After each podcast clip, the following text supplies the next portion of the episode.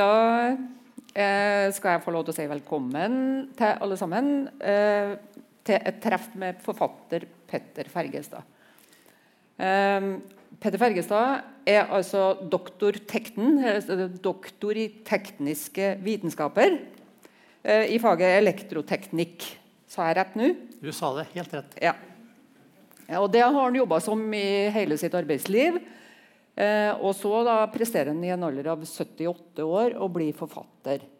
Og bestselgerforfatter. Og det syns jeg liksom er et tegn på at det går an å gjøre mye rart til all slags aldre. Det kan vi jo merke oss. Um, og at alder i grunnen er hva du gjør det til. da. Tydeligvis.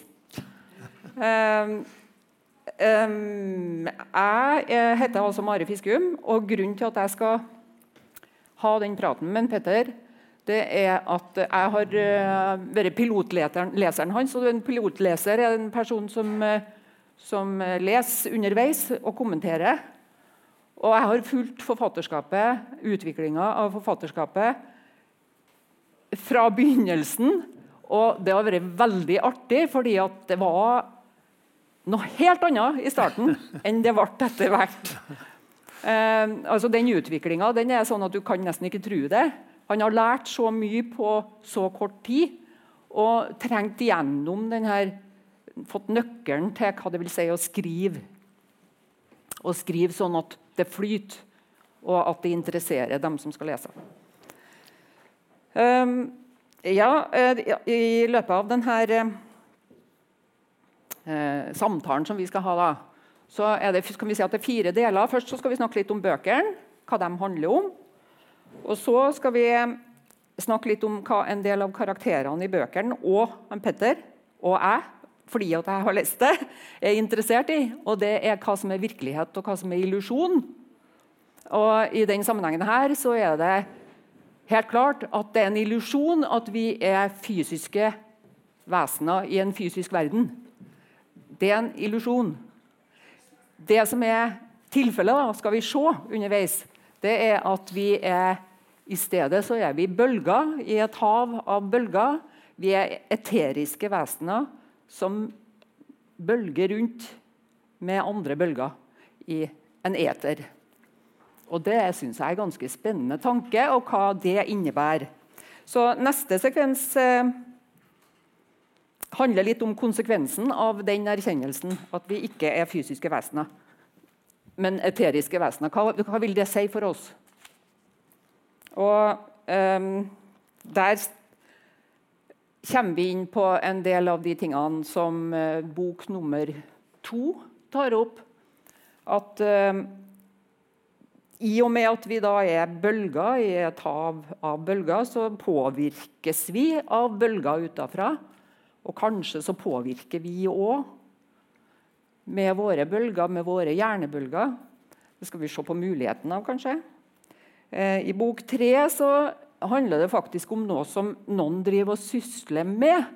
At det går an å kopiere de her hjernebølgene som er psyken vår, og få dem over på en datamaskin.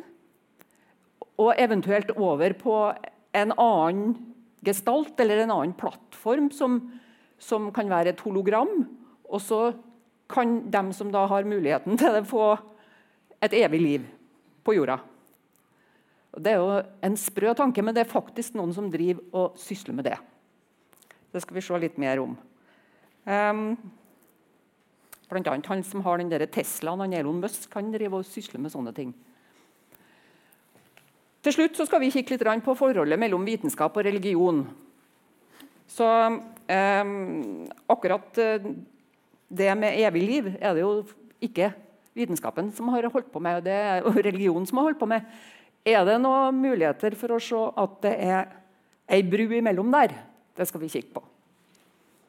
Eh, så vil jeg bare ha sagt at uh, det her er ingen ikke et område som er veldig eksakt.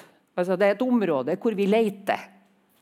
Og det er en, uh, I krysninga mellom vitenskap og myter, og mellom filosofi og mystikk og science fiction. Så i det området der, i krysninga mellom alt det der, så er det klart at da må man stille flere spørsmål enn man har svar. og Derfor vil vi veldig gjerne ha at dere blir med.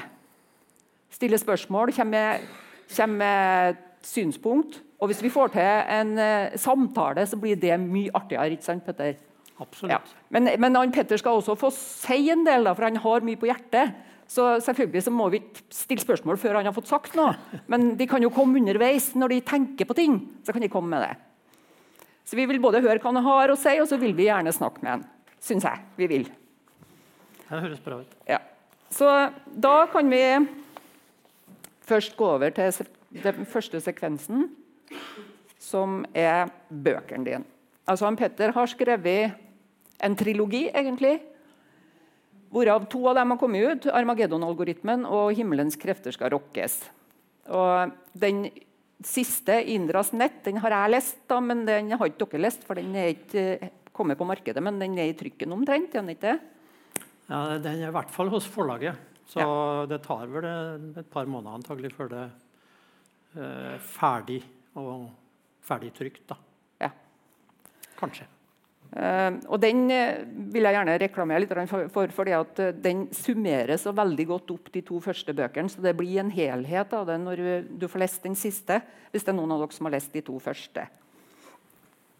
Men som jeg sa, så er de bøkene her, de tar opp store spørsmål. Da. Men det er jo en spenningsroman, trilogi. Og det går an å lese det som spenning. Men, så, men så, som, som, jeg sa, så er det i krysningspunktet mellom, mellom vitenskap og myter, mellom uh, mystikk og filosofi og science fiction. Så, så, det er jo ikke noe vanlig Du vil jo mer enn å underholde. Så kan du si litt om hva du vil.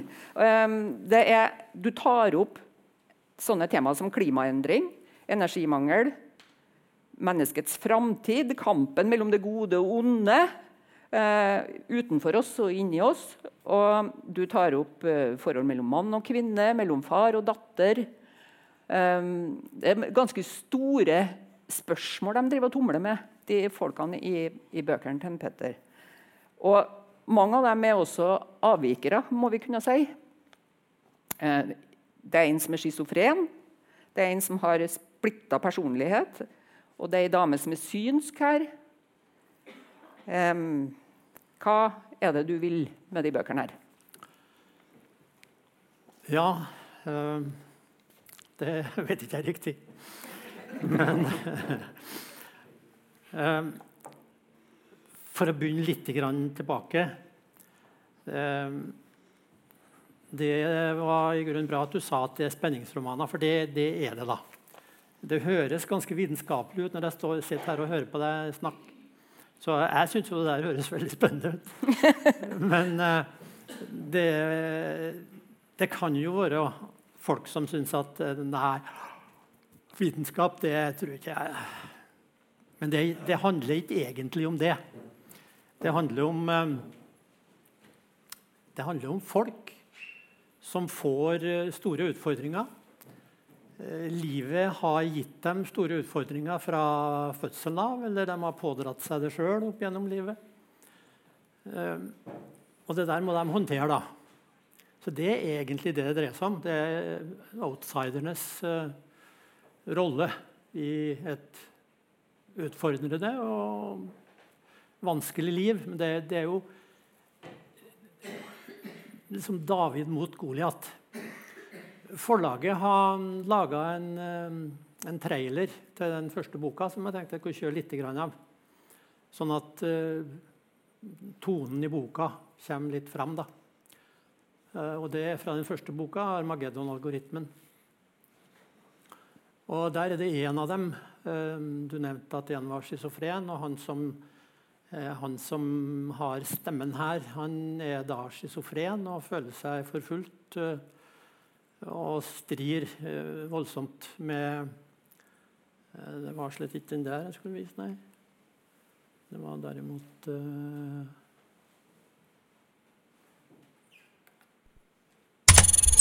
Dette her.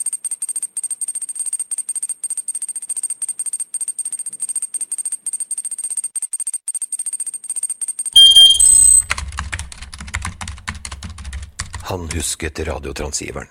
De hadde dopet ham ned, løsnet en tann ved siden av den han hadde mistet, og plassert faenskapen der.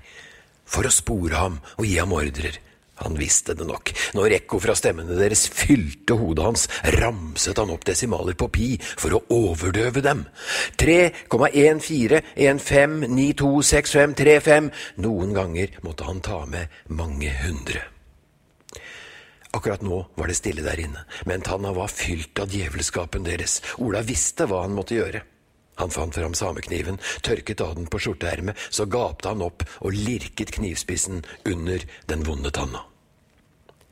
Det smakte beskt av det kalde stålet, og smerten ilte gjennom hodet. Han knep øynene sammen, kjørte knivspissen inn og vippet opp. Tanna kom halvveis ut og ble hengende på skakke. Tårene spratt, og munnen fyltes med blod. Han gryntet av smerte, men ga seg ikke. Ett vipp til, så var tanna ute. Han spyttet skinnfiller og blod, skylte munnen fra vannflaska han selv hadde fylt. Så la han tanna på en stein og knuste den med knivskaftet. Transiveren deres var for liten til at han kunne se den, men han visste at den var der. Han tråkket bitene ned i bakken, og så spyttet han blod igjen. Nå spreller jeg ikke lenger i edderkoppnettet, hvisket han hest. Han la seg ned på barsengen og tok inn lyden av fugler. Og så videre. Det er jo um, Siden du spurte, et poeng for meg å, å få um, eh, rystet litt opp i eh, det vanlige synet på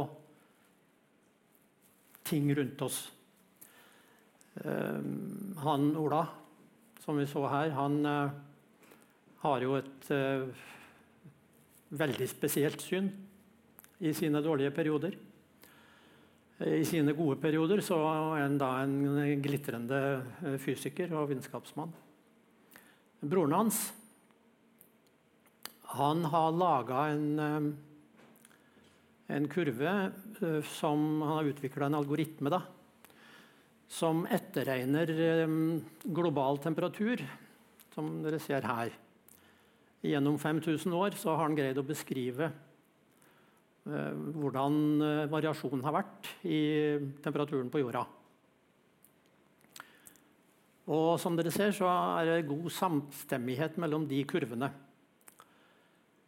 Eh, han eh, kunne da sånn rundt omkring 1750 1800 så kunne han ha sittet i sitt lønnkammer og sagt til folk som levde da, at eh, nå blir det snart varmt. Som den blå kurven viser. Så dette var forutsigbart på, ifølge Le Flinge, i hvert fall. Som han heter eh, broren til Ola. Eh, på grunnlag av, eh, av, sånn som det har vært de siste 5000 år. Så at det ble varmt på jorda, det, det var ingen bombe, ifølge hans beregninger. Men i og med at hans kurve også stemmer videre fra da og fram til nå, med det som har vært sett, og har vært sett på som menneskeskapt, Eh, så går jo hans resultater litt på tvers eh, av det som er den gjengste oppfatning. Det, det, er ikke lov å diskutere lenger hvorvidt eh, oppvarmingen er menneskeskapt. Og jeg vil ikke invitere til det. Det er ikke den debatten vi skal ta, med mindre noen føler veldig for det. Men det er mer for å vise hva slags vanskeligheter en som har synspunkter, velbegrunnede synspunkter, som avviker fra flertallet. Hva han kommer ut for og blir utsatt for. For eh, det går ham eh, Ja, det går ham ikke akkurat ille, kanskje, men eh, det blir vanskelig for han å stå i den stormen som da kommer. For han er en velrenommert person, og når en, til og med en velrenommert person går ut og hevder noe så rabiat som dette, da da ruster eh, fagmiljøet til kamp. Men eh, skal vi Tar du den du tilbake et hakk ja. igjen? Eh, det du altså sier, det er fordi at du, Leif Linge i den boka da, som hevder at det, det, her, det er ikke noe unormalt at vi har den temperaturen vi har nå. Nei. Nei, Han går på tvers av flertallet Ja. ja, og får, får merke det. Men det er også din kurve, det her. ikke sant? Ja, det Det er er, du som har, det er du som har snubla over en algoritme som viser at det, nei, men det her ser jo ut som det er akkurat som det skal være. Snubla var liksom litt å ta i kanskje Med møye Ja. utvikla en, eh, en formel som beskriver det der. Så eh, jeg, som, uten sammenligning for øvrig, som Luther sa, jeg står her og kan ikke annet. Eh, sånn ble det. Det, det kan jeg ikke noe for. Eh, matematikken sier at ja, sånn blir det. Men min kurve, Leif Linges kurve, går jo ned igjen, da. Vi er her omtrent nå, da. Så nå, ifølge Leif Linge Jeg gjemmer meg litt i magen. Leif Linge. Skal temperaturen begynne å gå ned igjen. Og Hvis vi skal ta et flik av denne klimadebatten allikevel, da, så, så er det en, en ikke uvesentlig del av fagmiljøet som da varsler en kommende eh, mini-istid. Sola mm, er en faktor oppi det her. og det, den er inne i en fase der det er å vente at den vil eh, føre til lavere temperatur på jorda. Eh, dem som eh, hevder det, får da eh, kanskje ikke riktig så dramatisk skjebne som Leif Linge, men de blir da tynt. da. Det her tror ikke mange andre på, så her står det litt å, å vippe. Det er vel ingen tvil om at sola virkningen fra sola kommer til å lede til en eh, dempning, i hvert fall, av stigningen av temperaturen. Jeg tror jo faktisk at det kommer til å bli sånn, da, men det, det er jo kjettersk å si det. Nei, men det, jeg, har ingen, jeg har ingen klimaagenda. Det her er en ren matematisk Jeg gjorde det der som matematiker. Ja, så du er ikke noen klimaskeptiker? og Nei, du er heller ikke... jeg har ikke noen agenda på det der. Nei. Jeg presenterer min kurve sånn. Men du mener vel at, eh, at det er store, store, store sammenhenger i, i, verdensrommet som, som styrer eh, utviklinga på jorda, og, og at det kanskje er litt eh, lite realistisk å tro at menneskene har så veldig stor innvirkning på det? Er ikke det du mener? Jo, jeg mener at det er litt håndmodig. Jeg, jeg grøsser litt på ryggen når vi får høre at, at nå skal vi sørge for at temperaturen ikke går over, eh, ikke stiger mer enn to grader fra den bunnen der. Den har jo allerede steget igjen. Ehm, det høres ut som vi er sjefer på, i naturen. Som vi får det som vi vil. Du kan ikke få viljen din bestandig, sa faren min. Og naturen er, gir en rett i det. Det er en, um, en vitenskapsmann som heter James Jeans, som har sagt at Gud er matematiker. Og det er en enorm lovmessighet eh, i universet, eh, så stor at eh, jeg kan sitere andre folk uten at det egentlig er noe stort, poeng i denne sammenhengen her. Som da sier at det, det er ikke bare sånn at det er en matematisk lovmessighet, men universet er matematikk. Ja. Og han fører fram da sakkyndige, gode argumenter på det. En fyr som heter Max Tegmark, en svenske som jobber på MIT. Og han blir da hørt på og lytta på. Eh, Folk eh, hører på Max Tegmark. Så eh, vi er inne i, et, eh, inne i et temaområde der det er plass for eh, sterke, avvikende tolkninger av virkeligheten. Og det er det mye denne, mm, de bøkene mine går ut på. at Er det noe sikkert at det er akkurat sånn som vi har vent oss til å tro? Kan det tenkes at det er helt annerledes? Kan det tenkes at temperaturen faktisk går ned? Er det lov å tenke den tanken? Eh, Eller kan en i hvert fall tenke at det er krefter i naturen som prøver å presse den ned? Og la gå, da, at mennesker prøver å presse den opp. Så vil fall, vi, vi, vi, vil i hvert fall få litt hjelp da, av naturen. Hvor mye det er jo ikke så godt å si. Men eh, du er opptatt av hva vi kan gjøre noe med, og at du er jo opptatt av miljøet. sant? Du er, er opptatt av, av, uh, ja. av nettopp det dilemmaet at vi kan ikke få viljen vår bestandig. Dette er jo et, et, kjent sitat som er tillagt Frans av Assisi. Det var ikke egentlig han, men uh, ja, Det kan jo låse like godt som det jeg kan. Jeg behøver ikke å låse opp det der. Men uh, det er viktig å, syns jeg, da, og ikke være fullt så sikker på at vi har full kontroll. Enkelte ting må vi bare si at ja, vi må tilpasse oss. Og det har jo ført oss dit vi er i dag. Eh, hvis det ikke hadde vært for vår enestående evne til å tilpasse oss nye omgivelser, så har ikke Homo sapiens levd. Så det, naturen premierer dem som eh, har evne til å omstille seg. Og det der blir litt borte, syns jeg, i den debatten som pågår. Det, blir, eh, det er andre ting, eh, føler jeg, som er viktig å ha klart for seg enn denne globale temperaturstigningen. Hvilke andre ting tenker du da? Det er ting som er nærere. Så denne diskusjonen mellom uh, outputen fra avanserte klimamodeller som ingen av oss uh, forstår seg på. Um, og det som uh, er nært, kommer litt bort. Så det, det, går ikke an å få folk med på tror jeg, det globale, store perspektivet. Men det går an å få folk med på tror jeg, at det kan ikke være bra å å pøse ut uh, klimagasser. Det ser ikke noe bra ut. Det er ikke sikkert det fører til høyere temperatur. Det er jeg litt usikker på. Men det er ikke bra. Det, det, må være usunt. Så la oss være forsiktige med det. Det kan heller ikke være bra å, å strø om seg med plast, som uh, fiskene spiser seg forderva på. Fylle havene våre. Farlig, det der.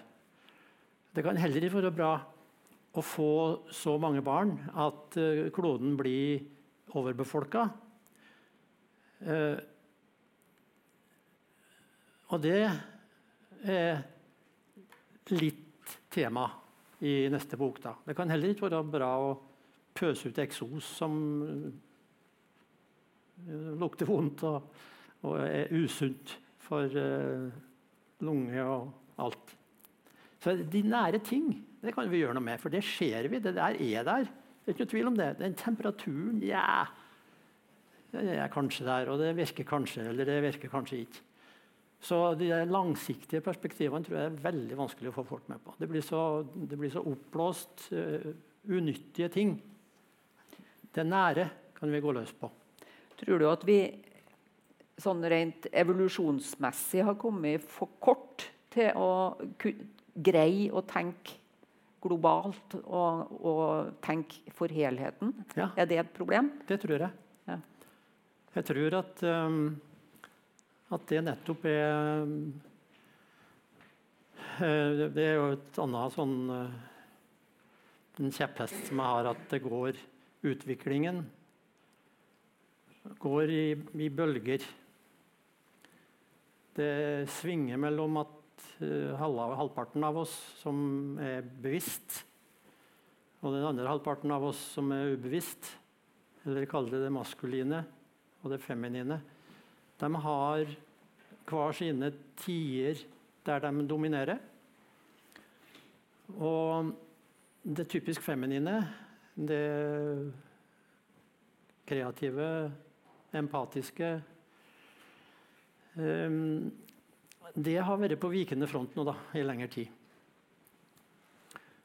Og en spesiell egenskap med det, eller et, et karakteristisk trekk ved denne feminine, eh, empatiske, det er denne evnen til å se helheten, som du var inne på. Eh, bevisstheten vår, som har brakt oss dit vi er fra omtrent årtusen, er jo fantastisk. Den har utvikla all verdens eh, fantastiske apparater og, og, greier som vi omgir oss med. Det er jo den som mer enn noe annet har gjort det mulig å leve 7,5 milliard mennesker på denne kloden. Før den industrielle revolusjonen så var det kanskje to. Men i og med alle de oppfinnelsene som ble gjort, og mye pga. at bevisstheten vår ble sterkere og sterkere, og sterkere, de har brakt oss hit. Men de har også brakt oss inn i det uføret at uh, uh, nå har vi utvikla oss til kanten av det kloden tåler. Og uten at vi uten at vi tar uh, ja, Vi kan se på den der litt I den boka der så er det mye snakk om det der, da. Uten at vi får med oss det feminine elementet. Alt det som er kreativt, kaotisk, øh, empatisk så greier vi ikke å se helheten. Vi, vi, kan ikke analysere oss fram til helheten ved å gjøre det bevisstheten sier vi skal gjøre. Ta bit for bit for bit for bit og legge det sammen. Det funker ikke sånn. Det blir for stort. Det, ikke, vi, vi, det er for komplekst. Kloden og alt det som bestemmer miljøet her og da mener jeg miljøet i, i total forstand, ikke bare temperaturmessig. Eh, det er antagelig umulig. Eh, kanskje ingenting som egentlig er umulig, men på lang sikt umulig å simulere med, med datakraft. Så det krever andre virkemidler. Og en del av de virkemidlene det er da dette fellesskapsdrivet. At vi innser at hver og en av oss kan ikke få viljen sin hele tida. Vi, vi, må tenke at ja, det der er kanskje ikke det aller beste for meg, men hvis jeg tar hensyn til også hun og hun og han og han, så i fellesskap så, så blir det bra for oss alle sammen. Jeg må kanskje renonsere litt på mine krav. Hele den tankegangen der den må bli sterkere, og jeg tror den er i ferd med å bli sterkere.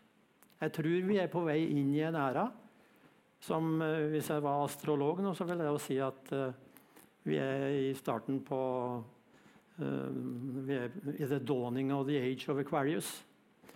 Uh, feminitetens, feminismens, feminitetens tidsalder. Hvorfor sier du det, da? Eller hvilke tegn er det på det? Jeg syns det er en del tegn i tida som, som tyder på det. det de, de, sterke strukturene brytes opp. Det er litt mye eh, På samme måte som eh, Romerriket i sin tid var jo liksom eh, karakteristisk for bevissthetens eh, ypperste topp. En kraftig, maskulin, eh, nådeløs kultur. Der de la under seg folk. Det var krig, det var krig, det var krig. Så, omtrent da, for 2000 år siden, begynte det gradvis å smuldre opp eh, innafra. Eh, er flere som har pekt på at vi ser en del av de samme tendensene i vår tid som eh, som da Romerike begynte å smuldre opp. Så det kan hende at vi har vært igjennom en bølge der bevisstheten har fått rådd nokså eh, enerådende. Vi har vært nede i en bunn som rundt omkring år to, to, rundt år 1000. Den svarte middelalderen. Og så kommer vi opp igjen og er her nå, da. 2000 år senere. Der bevisstheten er omtrent like sterk. Men der vi ser og faktisk forventer at Vestens hegemoni den, det er på vikende front. Europas betydning er på vikende front i forhold til Asia. Som er mer øh, kjent for å være bærere av de her litt mer mystiske, feminine kreftene. Da. Så antagelig er vi på hell med vår sterkt logiske nøkterne, saklige ordentlige vestlige kultur. Den arabiske våren, Sovjetunionens fall, Berlinmurens fall. Trump og Netanyahu gjør jo sitt beste for å bygge dem opp igjen, riktignok. Men i sånne brytningstider så er det jo krefter og motkrefter. Det skjer liksom Begge de slåss og varierer hvem som da har overtaket. Men i det, i det store og hele så er det nokså mange som da er inne på det der, eh, som har mer greie på det enn jeg har. At eh, Vestens hegemoni er på hell. Og da er det kaos som venter. Men et kreativt kaos kan det være da. For vi må jo ha lært noe siden Romerrikes fall. Så det blir ikke så det blir ikke en så mørk middelalder som det var etterpå. Eh, jeg er optimist på grunnlag av det her. Jeg tror på at eh, de kreative drivkreftene i samfunnet blir sterkere og sterkere. De logiske maskuline de modererer det her, men de er med på vikende front, tror jeg. da. Men det blir litt synsing, det her. Ja. Um, det står det litt om her, da. Ja. En av de mulige drivkreftene i, eh, i en sånn revolusjon, eller hva vi skal kalle det for noe, eh, det er noe som heter Mari var inne på det, at vi er under påvirkning av bølger utafra. Uh, hjernen vår mottar frekvenser som påvirker bølgene inni hjernen. Og her vi nå sitter, så, så er vi påvirka av et felt som heter Schumann-feltet. Dette gylne, litt mystiske feltet her som er et elektromagnetisk felt som, eh, som omgir jordkloden. Og dette er nøktern vitenskap. Her er det ikke noe tvil. Eh, det har også sine variasjoner. Og det svinger med frekvenser som eh, fremelsker de feminine, kreative sidene i hjernebølgene.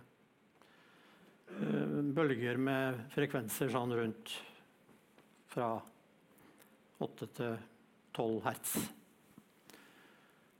Eh, så det kan hende at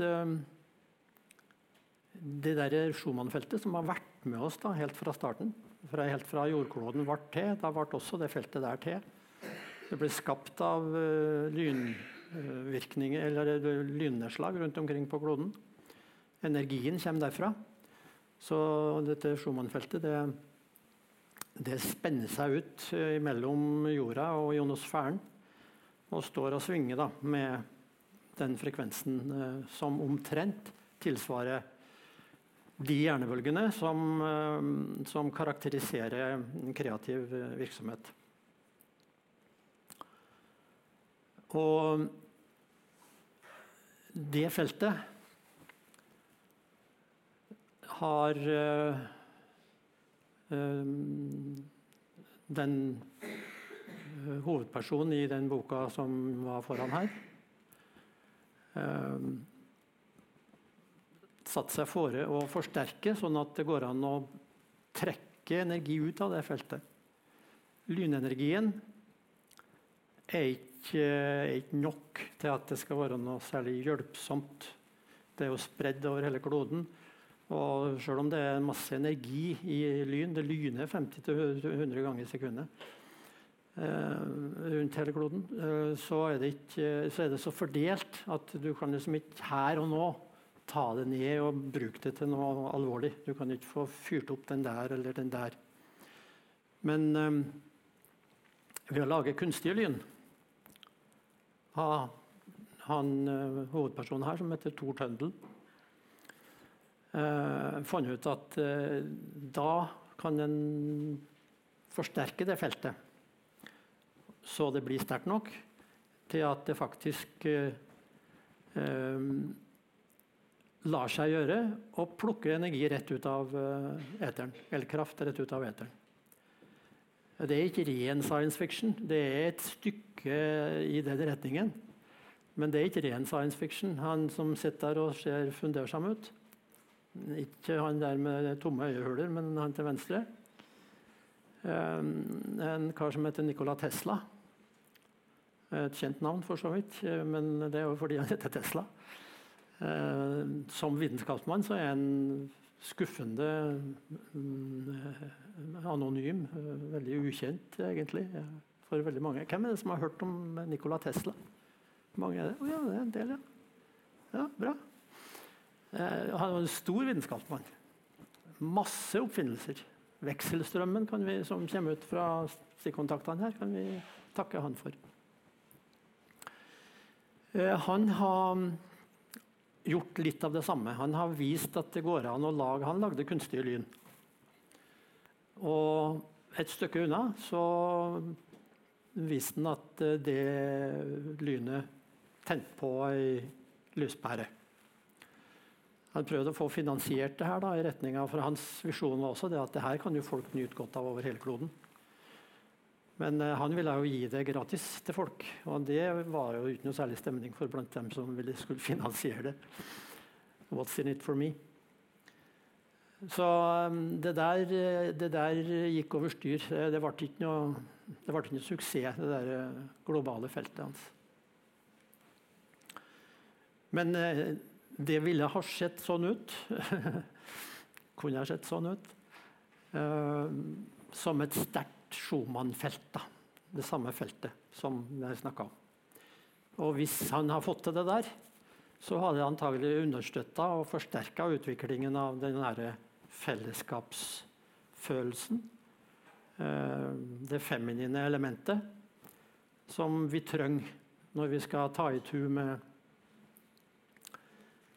eh, først og fremst eh, overbefolkningen på kloden. Som er også et sånt eh, som ligner litt på, på, den globale temperaturen. Det er fjernt for oss. Hva kan jeg gjøre for å gjøre noe med overbefolkningen? Um, men det er, stort, uh, det er et stort ansvar å ha så mye ressurser som det vi har. Og dem som er drivkraften i Her ser vi en kurve for uh, hvordan eh, folketallet på jorda har utvikla seg. Millioner av, av, people, millioner av folk oppover, og tida bortover her. Her er vi nå, på 7,5 milliard. Dette er tre kurver som eh, FN har, har satt opp eh, for forventet utvikling framover. Et høyt estimat, et midlere estimat og et lavt estimat. Og hvis det fortsetter som i dag, så skal vi da innen utløpet av det århundret vi er inne i, ha 17 milliarder mennesker på kloden. Og veksten er i de fattige landene. For det, er der det fødes mange barn, der eh, hvor det er størst fattigdom. I Vesten så har det stagnert.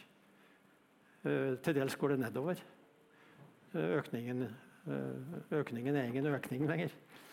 Eh, men i de riktig fattige landene der får de skrekkelig mange barn og er vant til at de dør eh, i hopetall.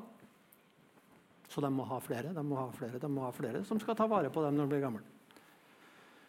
Men det er da en, eh, en utvikling som, som, bringer oss inn i, inn i, elendigheten. Og den hovedgrunnen til at det blir slik eh, Riktignok er jeg elektro fundert.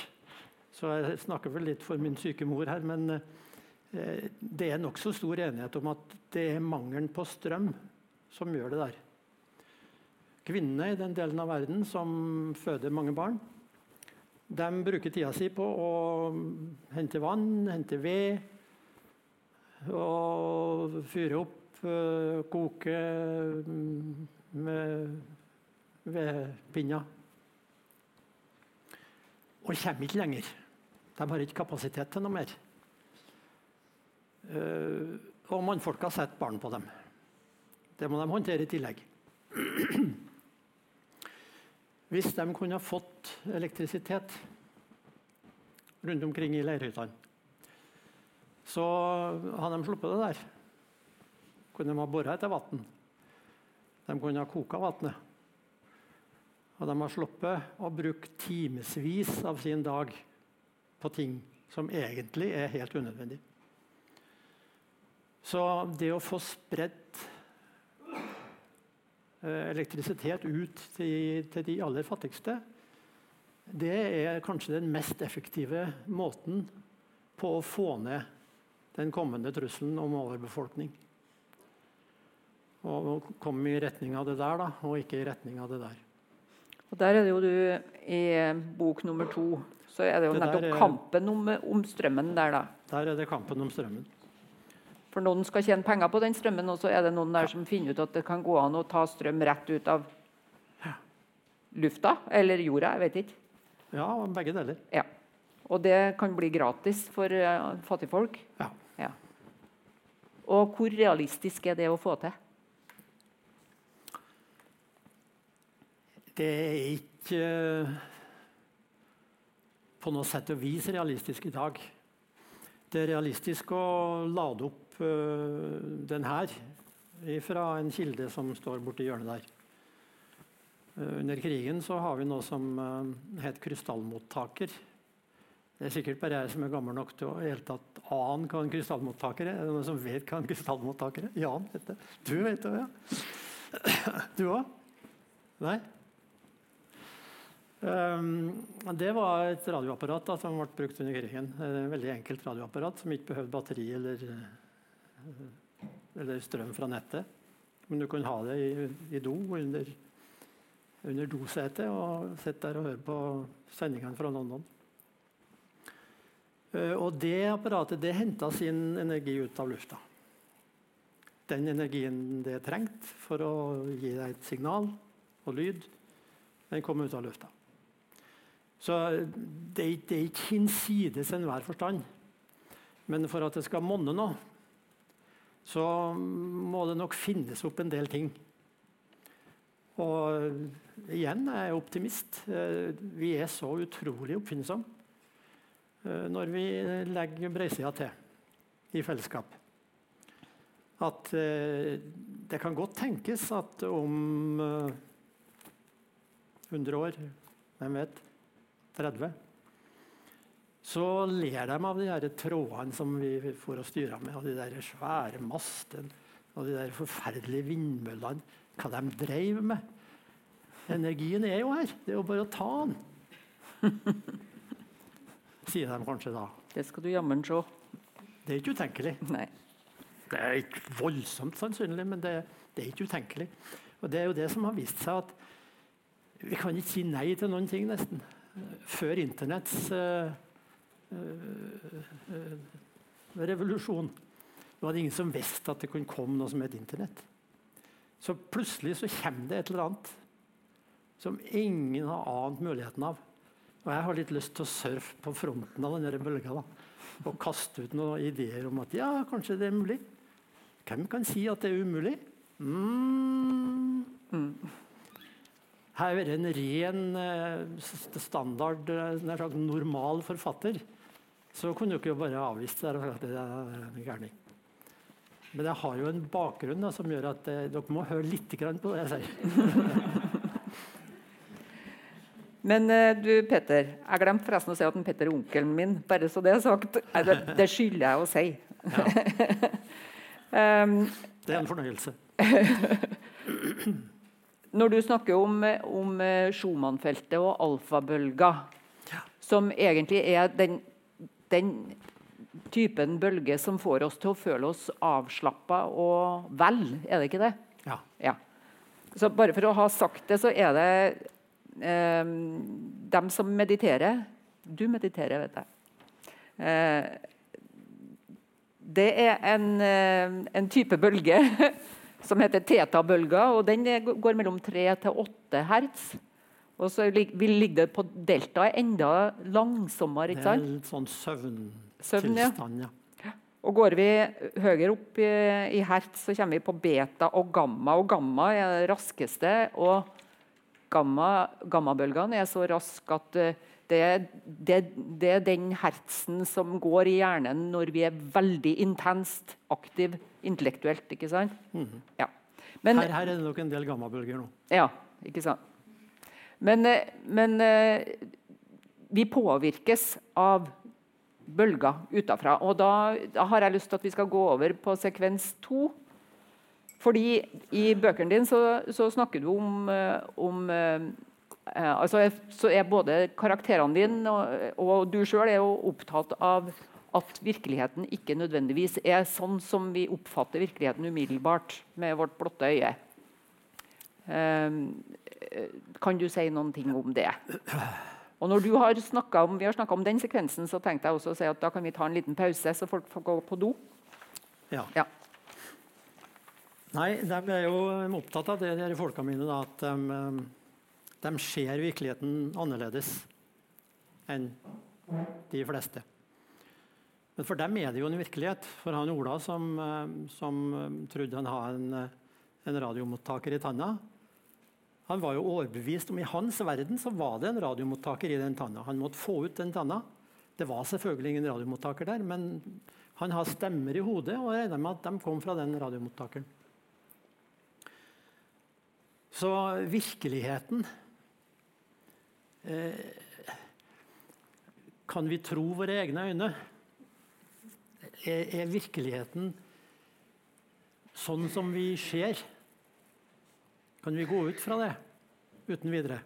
Det er sikkert at du fins. Det som gjør at eh, jeg ser om Mari eh, Nå snakker vi fag igjen.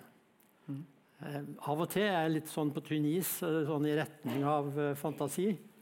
Så jeg kan kanskje si ifra når jeg, når jeg er på, på sikker grunn. Nå er jeg på sikker grunn.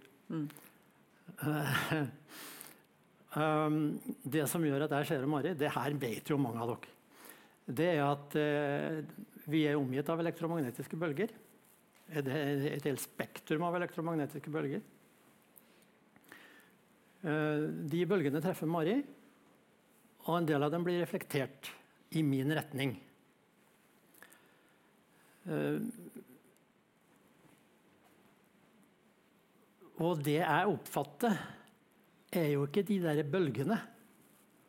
Jeg ser jo ikke de bølgene. Men egentlig så er jo Mari Det var nederst til venstre der. Og jeg, som er øverst til høyre der, vi er en konsentrasjon av bølger. Det er det vi egentlig er. Det fins ikke noe annet i, i universet praktisk talt enn bølger. Det som fins av, eh, av masse, av uh, hard uh, materie, det er så ufattelig lite. Så det er bølgene som teller. Men allikevel så ser vi jo noe. Så de bølgene som kommer fra deg, noen av dem treffer øynene mine. Og noen av dem igjen de blir sendt videre fra mottakere i øynene. Og de mottakerne finnes jo, da, i motsetning til den der mottakeren som han Ola funderte på. Og sender det signalet videre inn i hjernen min. Og så dukker det opp et bilde av Mari oppi hjernen min. Men det bildet det er skapt i hjernen min. Så det er egentlig ikke sånn jeg ser ut. Nei, Nei. egentlig så, så ser du sånn ut. Ja. Her er Mari. Så det er, det er bare, det er bare de, det, måten du er konstruert på, som lager det bildet. Ja. Ja. Øynene mine kan godt ha vært konstruert annerledes og sendt andre signaler til hjernen. Ehm, Sånn eh, er det i fantasien. Så tenker jeg at når jeg er ute og jogger, hvilket er veldig sjelden, eh, så ser eh, kona mi meg omtrent sånn, tenker jeg da. Med kjærlighetens uhildede blikk. Hvis øynene hennes har vært Hun sitter bortpå der. Hvis øynene hennes har vært litt annerledes konstruert, så hun har sett andre bølgelengder, så har hun kanskje sett meg sånn. For hvis du har sett på litt høyere frekvens, så har de bølgene gått litt lenger inni meg før de har blitt reflektert. Og da har jeg skifta form og karakter. Hvis hun har sett med den delen av eh, bølgespekteret som et røntgenapparat eh, opererer på, så ville hun ha sett meg sånn. Så det er nokså tilfeldig at jeg ser ut akkurat som dere ser meg nå. Da. Jeg, jeg kan godt like godt se ut sånn. Og hvis du har sett med enda høyere frekvens, så går bølgene enda lenger inn. Og hvis frekvensen er riktig høy, så har hun sett meg sånn. Og det der er omtrent sannheten. Der er jeg. En, eh, en ikke-eksisterende fysisk person. Jeg er bare en del av et, eh, et stort eh, hele. 99,9999913 stykker bortover omtrent prosent av meg er tomt. Men hva er da årsaken til at jeg kjenner stoffet på stolen her? Og hvis jeg tar på deg, så kjenner jeg at du er varm. Og hvis jeg tar på et bord, så kjenner jeg at det føles som tre. Hvordan, hvordan går det an? Ja, er det noe teori om det? Hvordan går det an? Det er noen som har en teori om det. For Fordi at det du sier egentlig, er jo at eh, det eksisterer egentlig ikke. Nei, eh, egentlig så er det bare bølger. Og det som er årsaken til det der, det som er årsaken til at du henger sammen, for å si det sånn, det er at det er sterke felter som da holder eh, atomer, atomene dine, holder dem sammen. Og de feltene de stopper jo der hvor du stopper. Så de, de ytre atomene de omgir seg med et felt for å hindre at du blir helt eh, eh, som en sky. At, at jeg vil gå rett gjennom deg. Som om det var et hologram, f.eks. Så det som skjer når du tar på bordet, det er at det feltet som ligger på utsida av fingrene dine, det møter det feltet som ligger på utsida av det bordet. Og det er, det er klart at Her er det snakk om skrekkelig små avstander. Fryktelig små avstander, Men det er ikke egentlig kontakt mellom dine atomer og bordets atomer. Det er en bitte, bitte, bitte liten avstand. Så det er to felter som står og, og nekter deg. Som når du fører to magneter sammen. Så, Men du snakker jo om atomer. ja. Ja. Og, og hvordan kan du si at det er sånn jeg er, egentlig? Når jeg er en konstruksjon av atomer som er noe. Hva er atomer, da? Du må forklare hva et, hvordan et atom er konstruert for å kunne underbygge påstanden om at det stort sett er bare tomt. ja. Ja. Ja, et atom Vi er som du sier, oppbygd av atomer. Eh, Det har vi jo lært. Det er vi jo ikke i tvil om. Eh, atomer er jo skrekkelig små. Vi har, eh, Menneskekroppen har jeg tror det er 10-27 atomer. Så 10 med 27 nuller. Så det er, et, det er et skrekkelig høyt tall. Så atomer er veldig små. Og det et atom, det enkleste atomet er hydrogenatomet. Vi består mest av hydrogenatomer. Da, og, øh, det har én kjerne. Og rundt den kjernen så, så spinner det et elektron. Den gamle modellen var at øh, før, øh, før, kvantefysikkens tid så var det som ble sammenligna med sola og en planet. At kjernen er som sola. Og det elektronet det går rundt sånn. Men eh, kvantefysikken har jo snudd opp ned på det meste, og også på det her. Men eh, det er det er slik at det elektronet det har sans, det er størst sannsynlighet for at det skal bestemme, befinne seg på, på, en viss avstand fra den kjernen. Vi kan, vi kan, droppe kvantefysikken og si at fremdeles så er det et elektron. For, denne, eh, for dette formål så er det et elektron som går rundt en kjerne. Og avstandene, Hvis vi skulle sammenligne det med noe, så kan vi si at vi blåser opp det der atomet til å bli så stort som det rommet her. Da er elektronet da, det, det fær rundt i veggen her. Og kjernen den er, befinner seg i midten her. Og den er så liten som det aller minste støvfnugget du i hele tatt kan se. Det, det, det er ikke synlig, nesten. Resten er tomrom. Så det, det, er ikke, er ikke, noe annet tomrom. Det vil si tomrom da litt i gåseøynene, fordi det er jo fylt, det rommet her er jo fylt med som jeg har sagt 13 eh, 000 ganger, bølger. Mm. Så det er ikke tomt i den forstand at det fins ikke engang bølger der. For det gjør det. Men, men det, er ikke noe, det, det kaller, masse, det er ikke noe substans der. Nei, så Det vi kaller fast stoff, da, som vi oppfatter den fysiske verden som, det mener du er bortimot i alle fall da, ikke-eksisterende, for det er stort sett tomrom. Stort sett tomrom. Ja, Og, og illusjon av fast stoff. Sånn, ja. Fordi vi er laga for å oppfatte verden som fast stoff. Ja. ja. Men, men, det er ikke der, det faste stoffet. Men, det, men, men hvor, hvor, mye kan vi snakke om at det fins fast stoff overhodet? Altså, du snakka en gang om at hvis du, hvis du komprimerte alt fast stoff i, på jordkloden tok bort alle mellomrommene, så ville vi få en yatzy-terning. Og det var hele skapelsen. Ja, det er av menneskeheten, da, kan du si. Men hvis vi, hvis vi tenker tilbake, så, og vi tror på the big bang Det finnes jo ikke noe mer holdbar teori, for så vidt. Det er mange andre òg, men vi, vi holder oss til the big bang.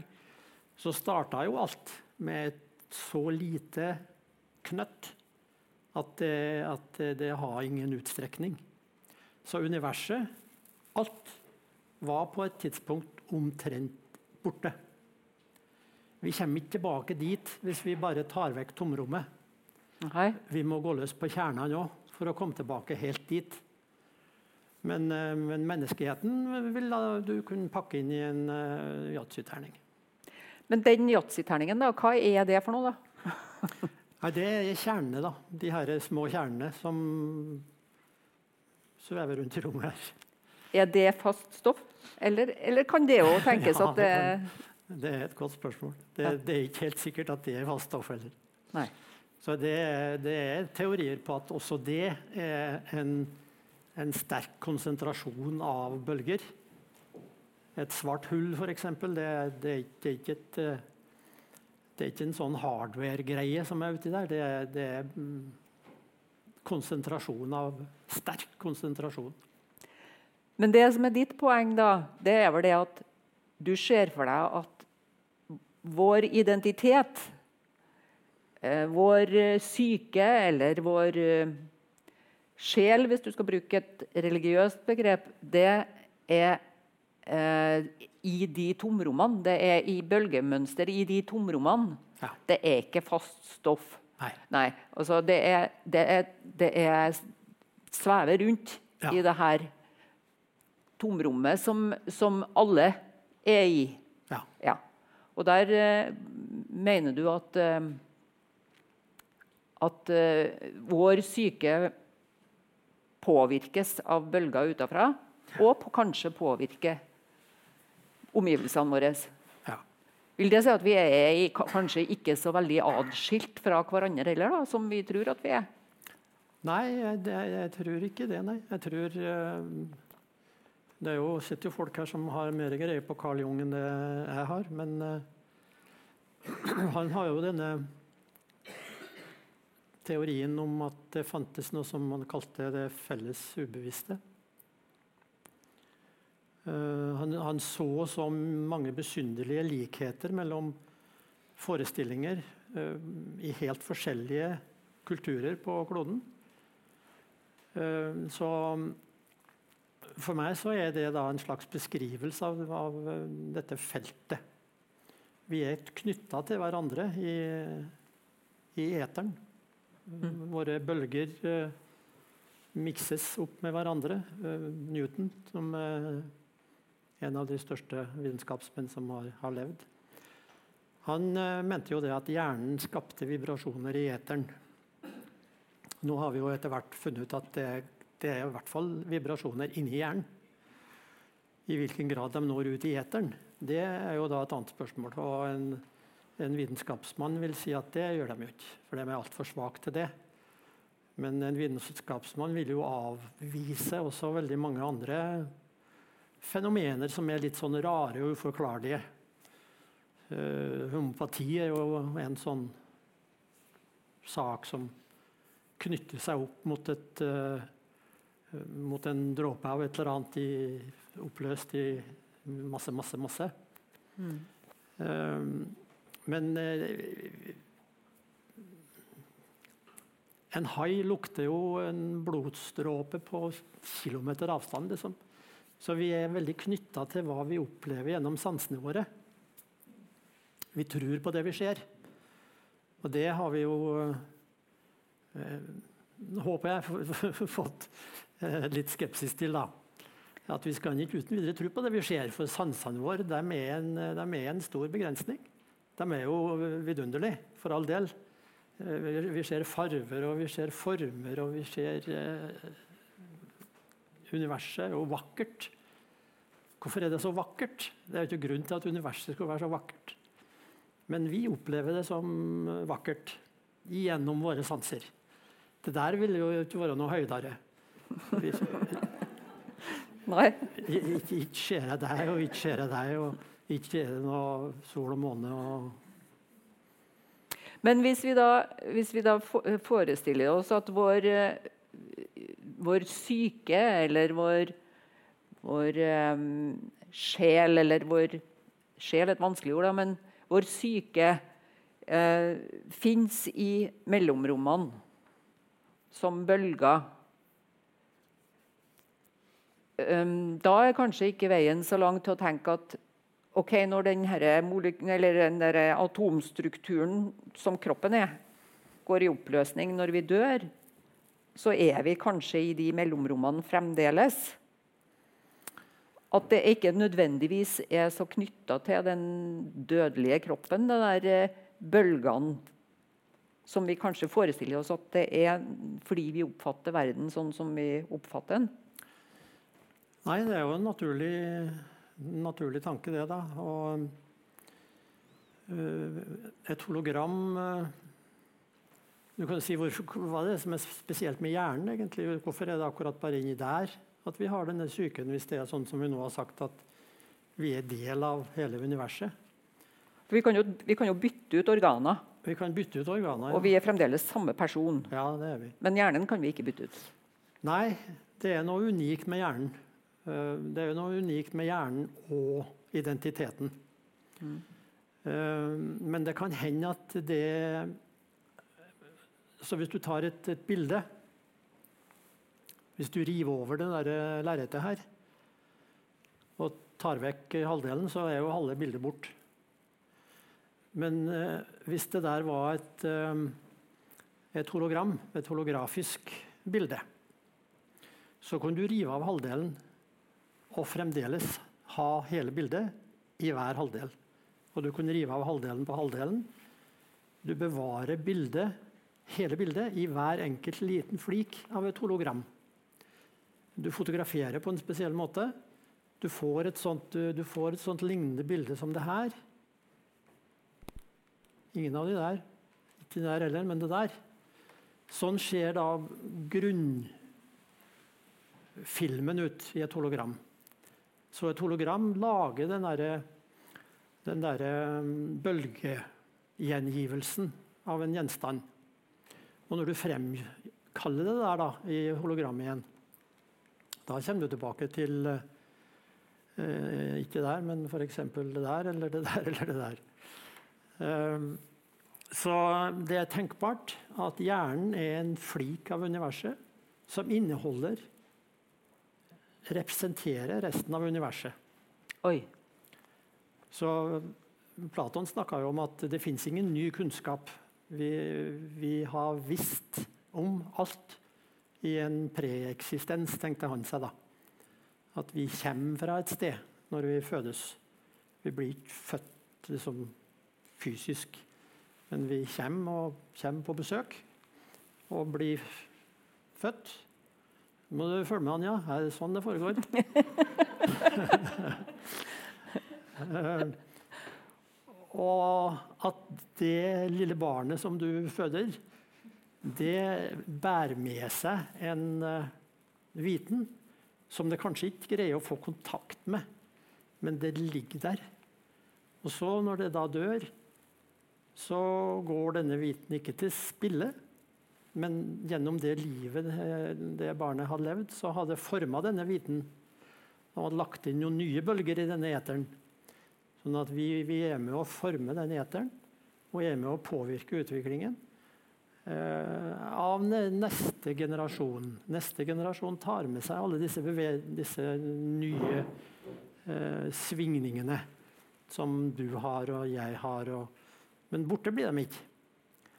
Eh, og kalles mystikk det som gjør at hjernen har en sånn eh, enestående Eh, egenskap at den, eh, den, lager en identitet. Det er det vel egentlig ingen som vet. Det altså bevisstheten, hvor bevisstheten er hen, og hva det egentlig er for noe. Det er det stor eh, forvirring og uenighet om. Den er jo ingen fysisk det er ikke noe fysisk objekt, så den har jo ingen sånn geografisk plassering. Men den er jo reell allikevel. Reell. Eh, du har jo en identitet. Og du Men, er med å utvikle den i løpet av livet. Ja, så da legger du i grunnen grunnlaget for noe som skal komme, da, ja. med det livet du har levd. Ja. ja. Du tar med deg det ut i universet. Mm. Eh, og nå, eh, Dette er jo veldig spekulativt. Det glemte jeg å si. Det her er veldig spekulativt. Her er jeg ikke for trygg grunn. Nei. Nei. Men eh, det er jo det tilværelsen består av, tror jeg. da. At vi bygger oss en modell som vi tror på. Noen sier at jeg tror på Gud. Når jeg dør, så kommer Jesus og tar meg i handa og leder meg bort til Gud. Det er min visjon av livet etter døden. Andre sier at når jeg dør, så er det slutt. Da er lyset slakt. Ferdig med det. Eh, men noen mener da at eh, it ain't over till it's over. Og knapt nok da. Så vi lager oss modeller som vi tror på. Eh, I riktig gamle dager så trodde de at, at verden var en leirklump på skallet av en skilpadde som svømte rundt i en endeløs sjø. Det var deres modell. Og det var ingenting som sa dem at det her er urimelig. Nei, sånn var det. Og det kan godt hende at om 100 200 000 år så, så, vil disse modellene som vi snakker om nå, og vi syns kanskje er både eksotisk og rar og ubegripelig, vil bli sett på som primitiv. Du verden, sier dem. Det var noen raringer. Men du var inne på det så vidt at uh, altså, vi vet så lite om universet. Ja. ja. Du har en prosent på hvor mye vi vet? Hvor, hvor stor ja, vi vet mindre enn 5% Mindre ja. enn 5 vi, vi, vi, tror liksom ah, der er universet. Flott, vakkert. Stjerner, planeter. Kikke med stjernekikkert. Uh. Men så viser det seg da at uh, 95% 96% Det aner vi ikke hva er for noe. Vi vet at det er der. For vi ser det på de her mystiske bølgene som kommer. Da. Vi ser på lys som kommer og bøyes av. Så vi sier at 27% av det der er det kaller vi mørk masse. Vi blir jo ikke noe klokere av det. Vi bare har et navn på det. Og 69% er mørk energi. Ja vel, vi vet ikke hva det er heller. Men vi vet at det får universet til å ekspandere fortere og fortere. Det burde jo ikke gjøre. Det burde jo trekke seg sammen, for tyngdekrafta vil jo prøve å trekke alt sammen. Men det gjør nå ikke det, da. Det akselererer. Så det er en uh, energi der som driver alt fra hverandre. Og hvis det der aldri tar slutt, så forsvinner jo etter hvert alt. Det, det, det blir borte. Vi ser ingen stjerner. Hvis vi skulle overleve det her, hvilket er veldig usannsynlig, så ville vi ikke se noen ting. Men så har du også sagt at like stor del av hjernen ligger i mørket for oss. Ja. Altså, vi forstår like lite av hjernen. Og den siste tanken før vi tar pause nå, for nå har vi brukt mye tid, har vi det, ja? Ja. Ehm, det er at uh, du har en hypotese om at hjernen vår er et speilbilde av universet. Og at hvis vi oppdager mer av universet, så vil kanskje det virke sånn at vi oppdager mer av hjernen samtidig? Ja, hvis vi skal Stephen Hawking snakker om uh, 'the theory of everything'. Guds plan, kalte han det en stund. Helt til han fant ut at uh, det, det hekta han på at han skulle uh, liksom gå god for at Gud eksisterte, og det mener han jo ikke. Men 'the theory of everything', det, det tror jo, han tror jo det. At vi skal, vi skal kunne greie å finne det. Vi skal greie å forklare alt. Og hjernen vår er jo en del av everything. Så hvis vi virkelig greier det, så har vi også eh, funnet ut eh, alt som hjernen vår består av.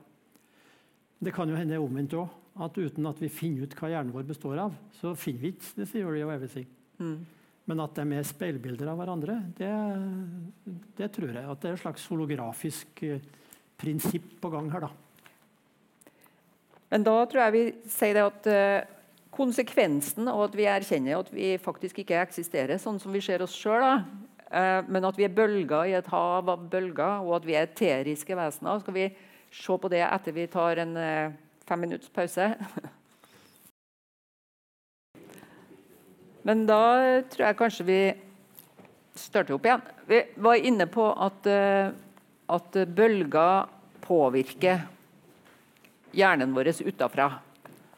Vi blir påvirka av bølger. Og um, bare for å si det litt kort, så, uh, så er det jo de, det Schumann-feltet som du snakka om, som er, gjør at vi føler oss avslappa og behagelig.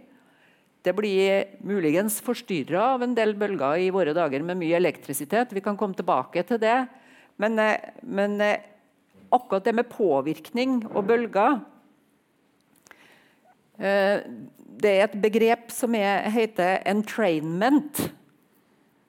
Som eh, høres litt mystisk ut, men det handler om eh, at eh, mine hjernebølger påvirker deres hjernebølger når jeg snakker til dere nå. Sånn at vi forestiller oss felles ting. Eh, hvis man leser ei bok, så leser man ord for ord i boka. Og hvis man bare leste oppfatta ord for ord, så ville man ha svært lite opplevelse av det som sto.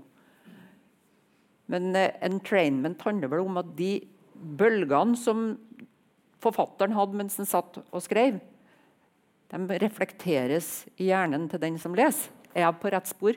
Ja da. Ja. Du er absolutt på rett spor. Det der er jo et mysterium hvordan det der kan, eh, kan skje, egentlig. Her eh, er det to hjerner da, som er nokså avkledd, for å si det sånn. Eh, og så har jeg tegna inn eh, Si at, at, jeg er den til venstre, og en av dere, hvem som helst av dere, er til høyre. Da vi kom, så var, har hver enkelt sitt mønster av hjernebølger. Tenkt på sine ting rekker hjem fort nok. Jeg er lei av det her. Eh, skal jeg, nå skal jeg spise til kveldsmat i dag. Hva som helst. Så da er de hvite, og de Hvilken farge er det på der, Mari? Gul. Gul, ja. Den hvite og Jeg er litt fargeblind. Den hvite og den gule, som du ser opp til høyre der, dem, det er ikke noe likhet mellom dem. De er i utakt. Så mine bølger og dine bølger, de er i utakt. Men så viser det seg da at når jeg begynner å snakke om et tema, da fokuserer dere som hører på, inn mot det temaet. Og som Mari sier, ord for ord. Hvis du tok bare ordene, så ga det ingen uh, opplevelse. Uh, det her er det gjort forsøk med. De har skanna i MR-maskin og, og, og, og, sett at sånn er det. Nå er jeg på trygg grunn igjen. Dette er vitenskap. Uh, har sett at sånn som det her er det begynner med at hjernebølger er ute av, av, fokus, men så skjer det noe magisk når vi når én, i dette tilfellet meg, da, prater. Så fokuserer dere. Og det er noe som heter entrainment, som Mari sa. Uh, en fysisk um, modell av det. Et fysisk eksempel det, Her er det ni metronomer som var ment å skulle starte opp.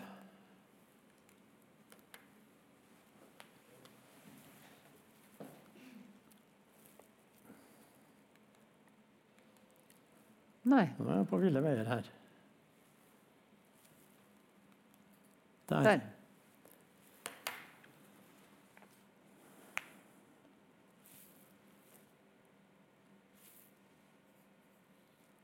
Spenningen stiger. Nå er dere veldig fokusert. Der. Jo. Så setter da en magisk finger i gang de forskjellige metronomene.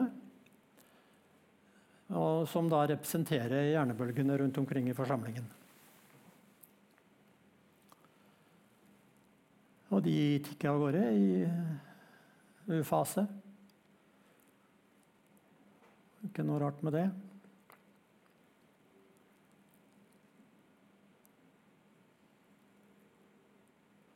Men så begynner det gradvis å skje noe her.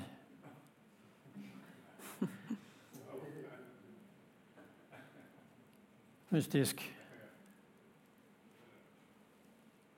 Er det bare tilfelle, eller blir de der?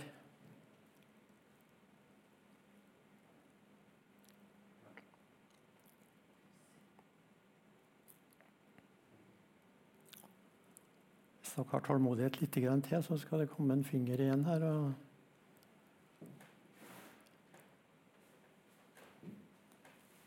Der var det en som plutselig begynte å tenke på rekker bussen nå, da.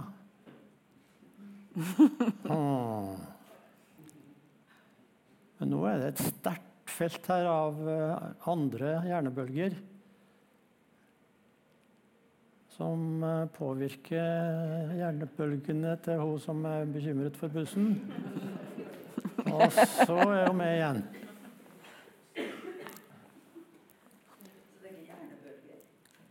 Ja, det der er hjernebølger. Og det, det, som skjer da med eh, hjernebølgene Nå er da de hvite og de gule. Er de fremdeles gule? Ja, de er det. Ehm, de har nå, som dere ser opp til høyre, de har kommet i, i fase. Så nå, nå, nå, er dere med. Det der er entrainment. Og det er da et, et fysisk eh, og psykisk eh, fenomen. Alle som eh, har stått på en scene, er jo klar over det der. Altså, du kan ha, du kan ha et du kan bli med i et teaterstykke, og en kveld så syns du at ja, det var totalt mislykka. Du får ikke publikum med. Og en annen kveld så er det magisk, noe som skjer. Ja. At uh, du er totalt på bølgelengde. da. Ja. ja. Og den som har vært lærer, vet akkurat det samme. Ja. At når du snakker til en klasse og får det der øyeblikket når hele klassen eh, er helt på bølgelengde, så er, da er det flott ja. å være lærer. Og det vet du ikke hvordan du kan kjenne. Du kan ikke, du kan ikke beskrive hvorfor er det sånn. Hva er det jeg kjenner egentlig? Nei. Du ser dem jo ikke, men sånn er det. Og, og når det gjelder forfattere, så er det vel sånn at, at det er mer i mellomrommene det skjer enn det er i sjølve ordene. Ja. ja. Det, det der har det vært forska på. og øh, En har snakka, og en har lytta. Og så har de kjørt, kjørt øh, baklengs. Altså han som snakker, snakker, baklengs. Og da skjer ikke det her. Så det er, ikke, det er ikke nok at det føres over ord. Uh, det har også vært forsøkt med, med at de har forskjellig språk. Fungerer heller ikke. Så det er orda pluss mellomrommene og hele opplevelsen av fremføringen som gjør at det her skjer. Uten at det er noen god forklaring på, på hvordan det henger sammen. Det er jo en, eh, en kjent sak for en forfatter. Da. Jeg er jo glad for at det er sånn, for ellers hadde det vært umulig å skrive bøker. Jeg ville ikke ha vært i stand til å fortelle det jeg har oppi hodet. Uh, men dess mindre jeg sier, dess mer opplever dere. Og for å ta et eksempel eh, den kanskje den korteste eh, dialogen som noen gang har, har, funnet sted, det var mellom eh, Victor Hugo og forleggeren hans da han hadde skrevet 'Le Miserable'. Da dro han på ferie. Ikke forleggeren, men Victor Hugo. Um, og på sitt feriested så var han nysgjerrig på da, hvordan går det med den boka. Så sendte han et brev det gjorde man jo i de dager. Til forleggeren. Og Forleggeren tok opp konvolutten. Der var det ett ark, og så sto det et stort spørsmålstegn på det arket. Forleggeren han snudde arket, og så skrev han et utropstegn på baksida. Og så sendte han det tilbake. Og Det var ikke noe tvil om hva kommunikasjonen dreide seg om. De forsto hverandre perfekt. Men det ble ikke sagt så mye. Det ble ikke skrevet så mye. Og kunsten i, i å, å, barbere ting ned til det, det bare necessity, det er jo forfatterskap på sitt ypperste. Hemingway har jo blitt, blitt berømmet for å ha skrevet kanskje den beste kortnovellen. Det er ikke han som har skrevet den, men han har av en eller annen grunn fått æren for det. Eh, babysko til salgs. Aldri brukt.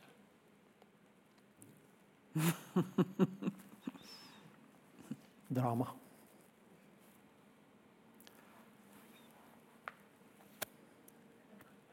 Welhaven har jo skrevet et dikt som de fleste kanskje har vært borti i løpet av skolegangen. Da. Et metadikt som heter 'Diktets ånd'. Mm -hmm. Og dikt er jo få ord. Ja. ja. Og diktets ånd handler jo om at uh, diktet oppfører seg som en rose. Og duften fra en rose er diktets ånd, ja. som overføres fra barm til barm. Ja, ja. ja det var vakkert sagt. Mm. Det er sånt som man husker. Ja.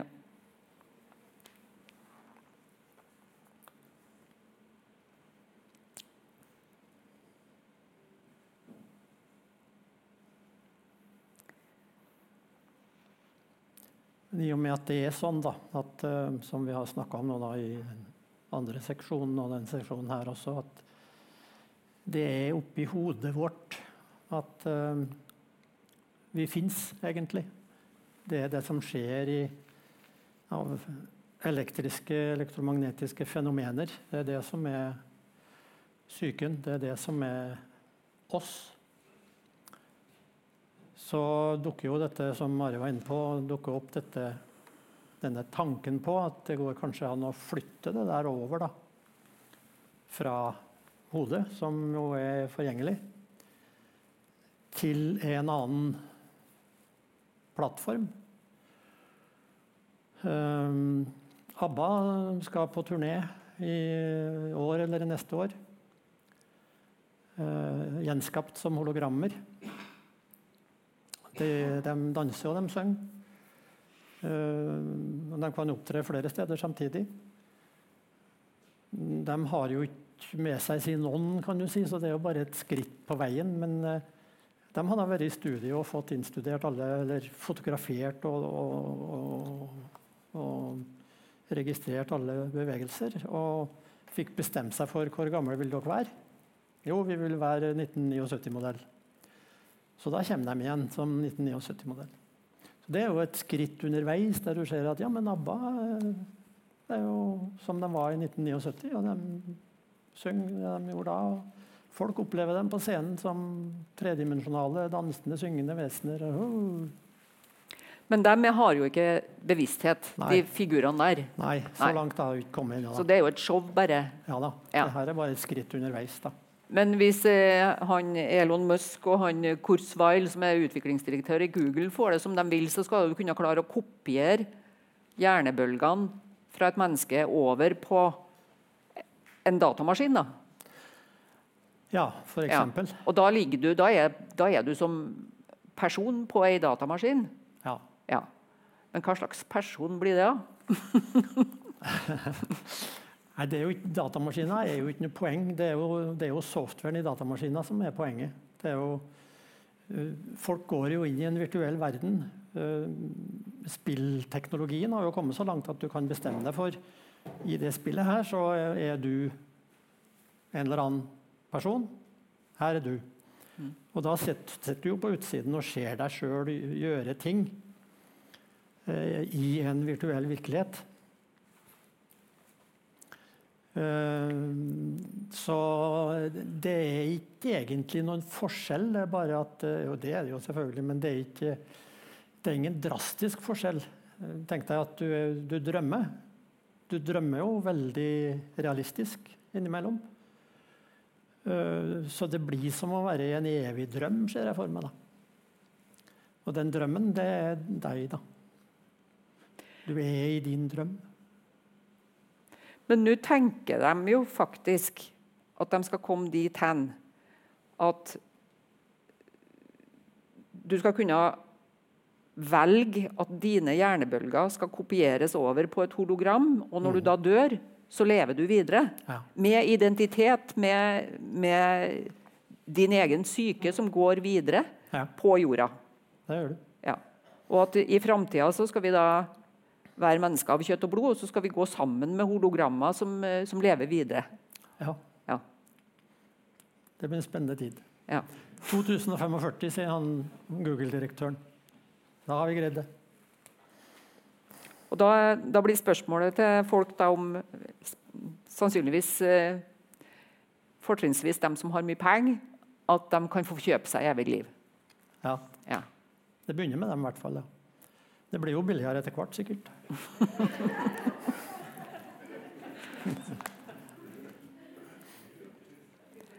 På et vis så kan du si at det ville ha løst ganske mange problemer om alle sammen gikk over på hologrammer. Da. For da trengte vi jo ikke noe mat.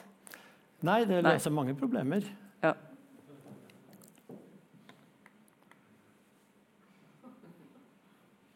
ja. Men kan du klare å se for deg at, at, vi, at vi skulle ha en eh, sameksistens med, med folk som er flytta over på en ny plattform? og At vi lever, lever side om side? Og at det gir mening? Ja Jeg tror jo Jeg vet ikke hva jeg skal tro om det. Har, det er lettere for meg å tro at, at religionen har løsningen på det der. At, øh, at det er en mulighet for en å, å, å befinne seg i en annen dimensjon. Det har jo falt mange tungt for bristet. Så et liv etter døden. Eh, mange avviser jo det. Men i og med det her, da, at eh, vi nå ser at eh, det er mulig å leve eh, evig uavhengig av kroppen, så nærmer det seg jo en, en virkelighet der vi befinner oss i en i en slags aura da, rundt jorda. Der alle lever med alle. Når jeg sier 'leve med', så er jo det da Man Kan heller si 'dør med alle'. Vi er, vi er der som um, eh, Vår identitet er der. Men vi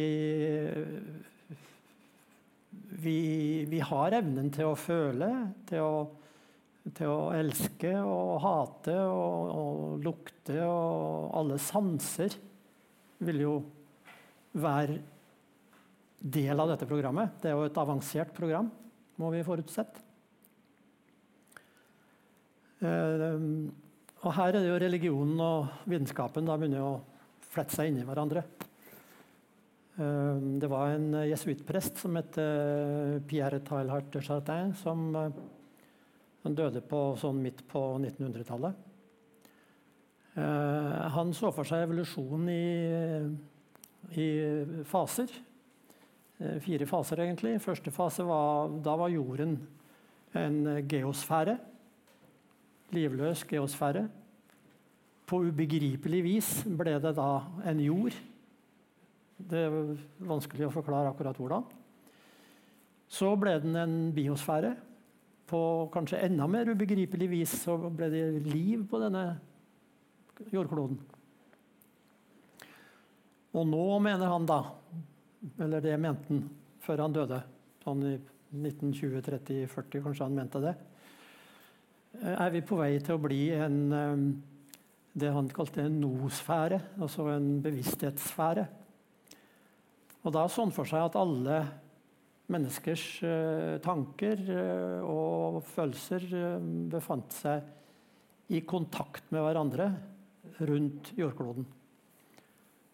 Og han, denne visjonen kan du si at den var kanskje ikke så, ville vært så spesiell hvis det har kommet etter at Internett eh, ble eh, en realitet. Men dette var jo lenge, mange tiår før Internett kom på lufta. Så eh, mange har jo trykket der til sitt bryst og, sagt at han, og kalt han Internetts profet. Så religiøse og vitenskapelige visjoner er i ferd med å gå sammen i denne sfæren. I, i Internett så, så, ser vi jo det der. Eh, folk lever i en virtuell verden. Jeg har jo hørt om japanske ungdommer som vokser opp, som, som da har kjæresten sin på, på her inni. De er ikke ute i verden. De har ingen, de har ingen fysisk, eh, de har ikke fysisk ønske om å få en, en eh, kjæreste og en relasjon der ute. Nei. Her. Her er hun. Og da kan hun jo være akkurat som jeg vil, selvfølgelig. Eller han. Um, kjekk og grei og, og medgjørlig på alle måter. Um, så der lever de. Vi hørte jo om han derre uh, på TV nokså nylig på var Dagsrevyen, tror jeg. En far som sto fram. Sønnen hadde dødd, hadde vært lam i mange, mange, mange år. Og levde på Internett. Eh, foreldrene har jo syntes at det, det, var det han hadde. Liksom. Han kunne ikke leke med folk. Og først da han var død, fikk de, eh, foreldrene da øynene opp for hvilket liv han har ført. Hvor mange venner han har fått.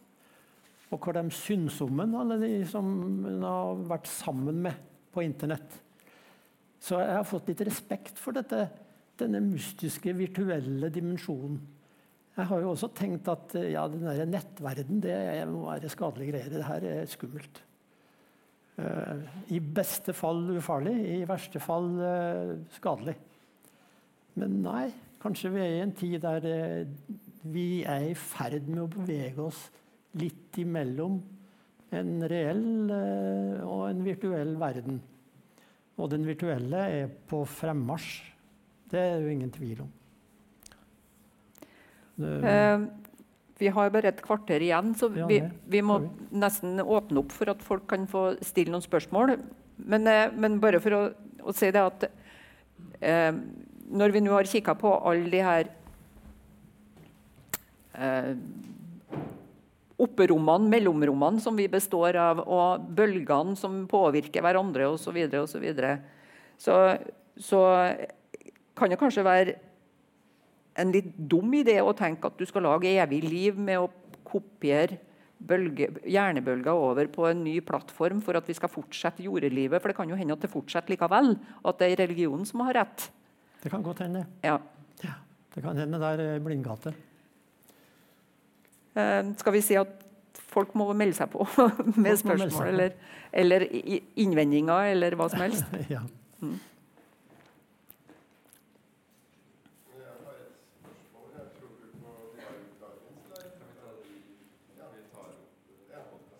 Det er Darwins lære, det menneskens utvikling, og hjernen har utviklet seg med Darwin også.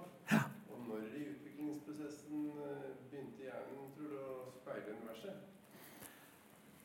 Ja, det har den vel det, det tror jeg, da. Nå blir det snakk om hva jeg tror. Eh, For eh, det som eh, vi i hvert fall har skjedd, er at hjernen har utvikla seg gradvis. Blitt større og større, mer og mer kompleks. Men også lenge etter at den var så stor som den er nå, så hadde vi ingen bevissthet. Da kunne vi ikke resonnere og reflektere sånn som f.eks. du spør nå, da. Som er, bevisst, en bevisst handling. Ehm, da, vi, vi, vi så ikke eh, på den tida sammenheng mellom ting. Ehm, eh, F.eks. at eh, Siden vi var inne på å føde barn. Det at kvinner fikk barn, det var noe som kom som en følge av at eh, gudene hadde putta et eller annet inni henne. Det var, det var, du så ikke sammenhengen mellom kjønnene. Det var for langt. Eh, og den evnen til å, til å kunne knytte og se sammenhenger, den kom antagelig veldig, veldig seint. Eh, noen mener kanskje så seint som bare for eh, 4000 eh, eh, år siden. For det fins ingen skriftlige tegn til at det var noe bevissthet før det. Så det, det virker som om lyset ble slått på på et tidspunkt, og ganske brått. Eh, og da plutselig begynte ånd å bety noe annet enn bare Det betydde noe en annen dimensjon. Um, så um, Darwin eh, tar mye tak i, i den fysiske delen av, eh, av evolusjonen, mens det har skjedd ting eh, i den psykiske dimensjonen som er litt mer mystisk. Det er ingen, det er ingen som er sett som har noen forklaring på hvorfor ble vi bevisste? Hvordan skjedde det? Eh, Det blir jo forklart med at kompleksiteten må være til stede. Hjernen må være veldig kompleks, og den må være ganske stor. Men det er mange dyr som har større hjerne enn oss. og er flere hjerneceller enn det vi har, som da ikke er bevisste, så vidt vi kan forstå. Vi er, vi er dårlige til å snakke med dem, men eh, det, er, det er noe mystikk her i tillegg, tror jeg.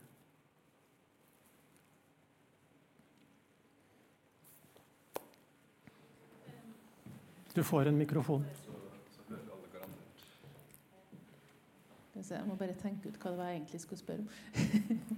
jo, hvis du blir sånn der hologrammenneske med bevissthet, og så går du sammen med alle de her eh, kjøttmenneskene, som eh, er jo, ja, sånn vanlige som oss. Og så tenk hvis er en som er vanlig, og så en som er hologram, forelsker seg. og sånn, og så da blir jo ikke noe mye sånn eh. Unger ut av det. for å si. og, så, og så en ting til. Altså, mm, hvis du da putter bevisstheten din inn i et dataprogram, da, og hvis den bevisstheten din egentlig var meninga skulle bli født på ny et annet sted som en unge igjen, altså, ville det da sperra for den muligheten, sånn at det faktisk blir mindre unger i verden fordi at du har valgt å bli hologram, eller hva tror du? Ja, hva tror jeg? Eh, Det er jo ikke noe, det er jo ikke noe poeng eh, for å si det sånn, at det skal bli flere og flere på jorda. Er snarere tvert imot. Det kan jo godt hende at nå er det nok.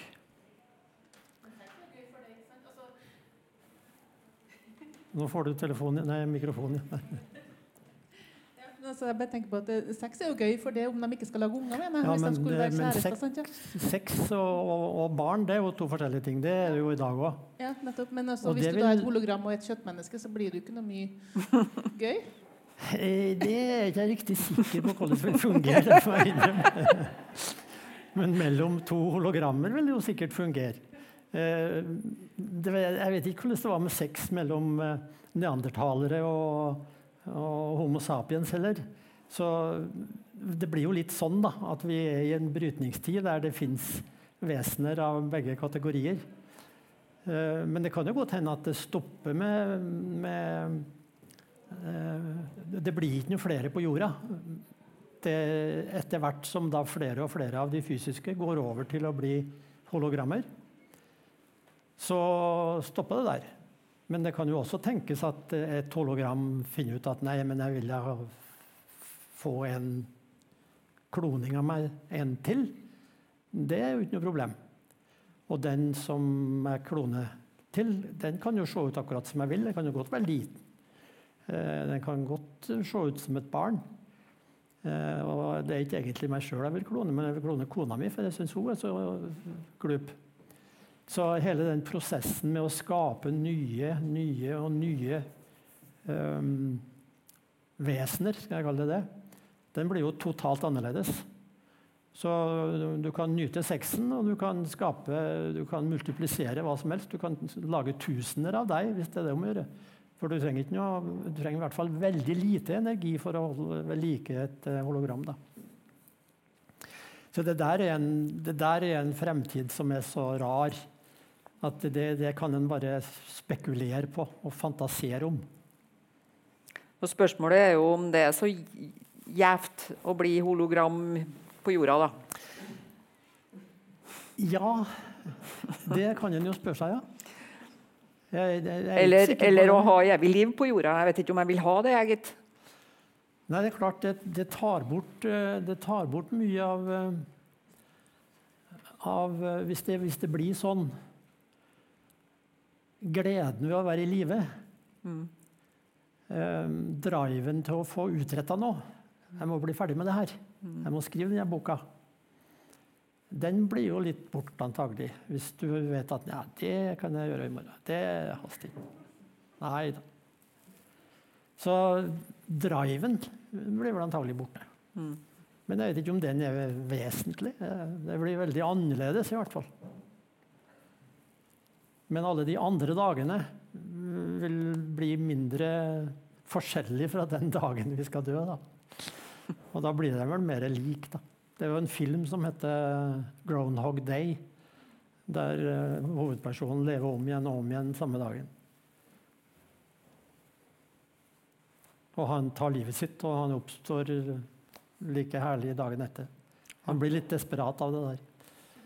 Så det er ikke nødvendigvis noe å hige etter, kanskje. Mange vil nok selvfølgelig ha evig liv. Hvis jeg spurte vil du ha evig liv, vil du si tja. Nei, jeg ville ikke ville ha hatt Definitivt ikke. Nei. Altså, for jeg, for jeg tenker som så at, at eh, det er et poeng med at det livet her er Som Odd Børresen sier, det er skorpe på leverposteien. og det er, Noen ganger er det ålreit, men det er veldig mye motstand i det livet her som du skal vokse på. Ja. Og hvis du skal leve evig, hva blir det da? Altså, skal, du, skal du vokse? Skal, du- skal du utvikle deg? Eller skal du bare ta dag for dag og svirre rundt som et hologram? Jeg kan ikke forstå poenget med det. egentlig. Hva skal du, er, er, blir det her vesenet et vesen som utvikler seg? Ja, han øh, Pierre Teilhard Chardin, han, han mener at fjerde fase da, Jeg tok tre. Fjerde fase er at vi, vi, vi oppnår enhet med Gud. Så det konvergerer mot det han kaller omegapunktet, som er Gud, egentlig. En, realis en realisering av det fulle potensialet vi har. Og da blir det jo ingen vekst lenger. De, dine argumenter gjelder jo like fullt for et liv etter døden òg, i religiøs forstand. Eh, Da er det også stopp, da, i teorien. Men du har enhet med Gud. Og lenger kan du kanskje ikke komme. Ja, men er jo sant. det. Ja. Da er du perfekt. Så perfekt som du kan bli. Da er det ikke noe vekst. Det er ikke noe Du er i mål.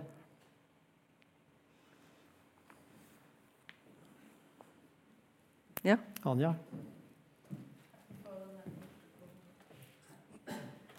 Det var veldig mange, veldig mange temaer som det hadde gått an å spurt mye om, tror jeg. Men jeg ble litt sånn opptatt av det der eh, du snakka Eller hvis jeg skjønte deg rett, da, så er det her eh, Du knytta det feminine til å være liksom det litt sånn emosjonelle og irrasjonelle og, og kreative. Og det maskuline til å være noe mer sånn fornuftig og, og eh, ja, bevisst, kanskje. Mhm. Eh, og hvis vi går inn i en, ei tid prega av noe mer feminint, da, hva vil det få å si for vitenskapen, f.eks.? Altså, at vitenskapen kommer den til å utvikle seg videre på samme måte, tenker du? Ja, det der er jeg litt optimist. da. Jeg tror ikke at, eh, tror ikke at nødvendigvis eh, den må forvitre. Jeg tror kanskje at det går an å uh, Det var jo Grekerne hadde jo en gullalder. Og da var de på midten, kan du si, mellom eh, et økende feminint dominans og en fallende maskulin. Så der på midten, hvor de feminine og de maskuline sidene er eh, i balanse, da kan jeg vel tenke meg at det blir en voldsomt slagkraftig eh, kultur. Eh, Så kanskje forvitringen stopper der, når vi har kommet så langt fram i utvikling som vi har. At vi, det blir ikke som da Romerike falt, at det bevisste går til bunns, og det, ubevisste går til topps. Eh, Men det er jo mulig at kaoset blir så stort at eh, all eh, vitenskap går ad undas. Det er ingen som, ingen som tenker logisk lenger. Det, de får ideer, men gjennomføringen blir vanskelig. Jeg tror ikke det, da. Jeg tror det, jeg tror det er håp for, et, eh, for et balansert, en balansert gullalder når vi har nå kommet et stykke inn i the age of Aquarius. Vi har lært nok til å ta vare på begge sider av oss, tror jeg. Den en optimist.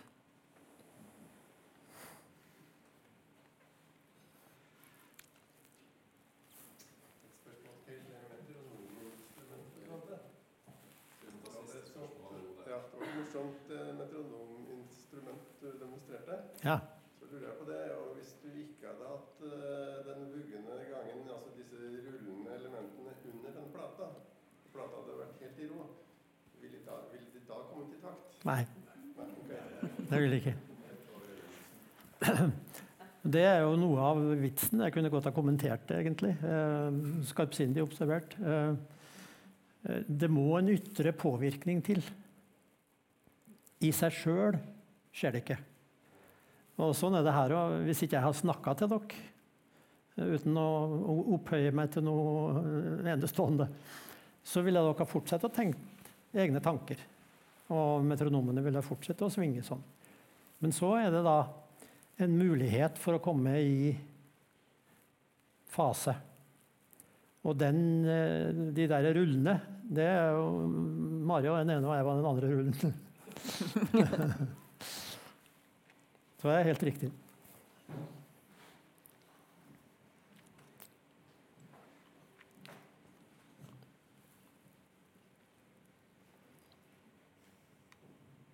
Er det flere som har tenkt noe underveis som de husker på?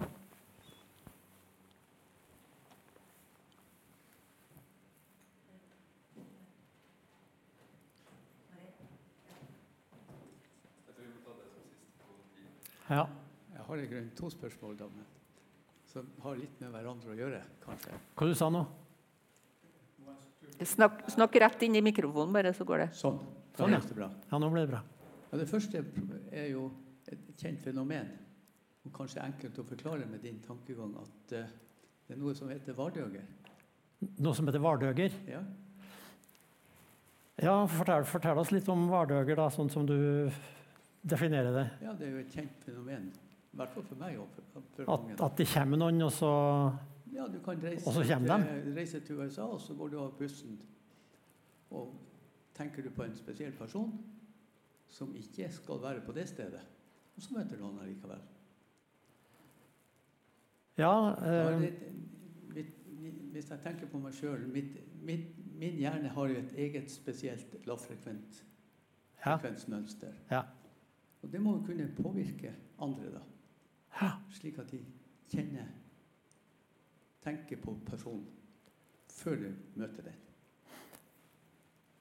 Ja, jeg kan jo bare tenke omkring det òg. Jeg har ikke noe forklaring på det. Men, men jeg tror jo på, på den derre tankens eh, evne til å eh, forplante seg over store distanser. Eh, om jeg akkurat vil si at jeg tror på telepati, det, det vet ikke jeg riktig. Men vitenskapen har jo kommet så langt at eh, nå kan det sitte en fyr i New York og tenke at han vil løfte på den lamme armen sin.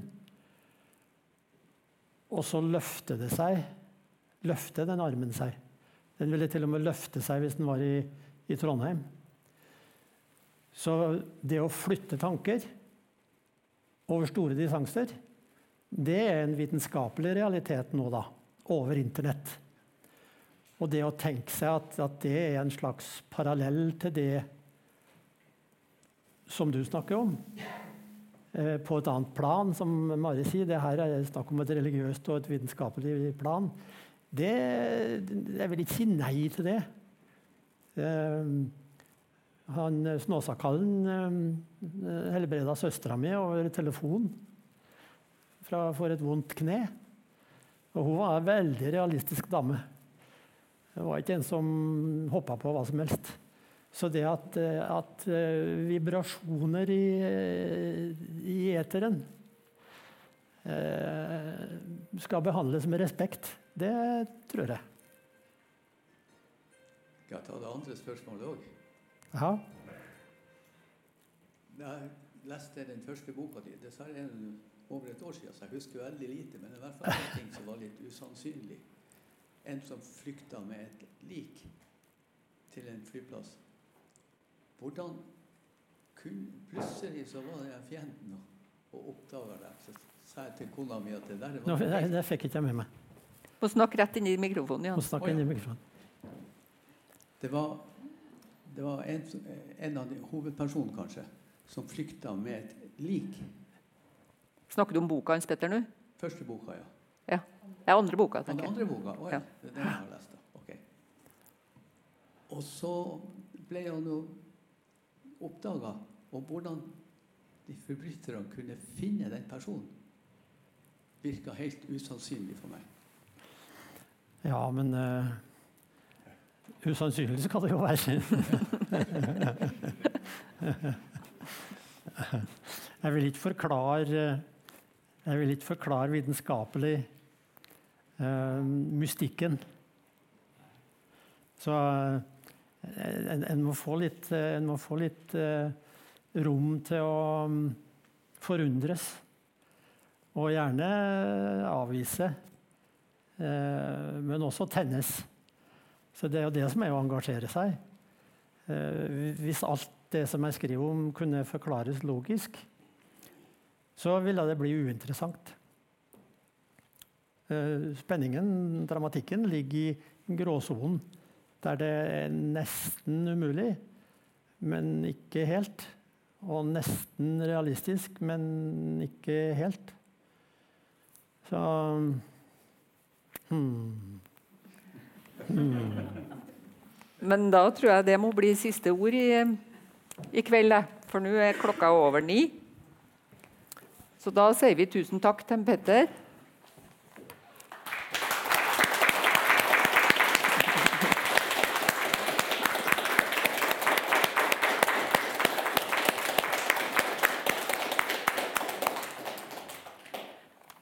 Jeg håper at, eh, at eh, det ble mening i noe av det vi snakka om. Det er jo ganske store og omfattende og uh, tema som er ganske løs i kantene. Ja, Ja. de er litt Eh. løse i kantene. Ja. ja. Men de må være det hvis det skal bli noe drama. ja. Tusen takk for at dere kom.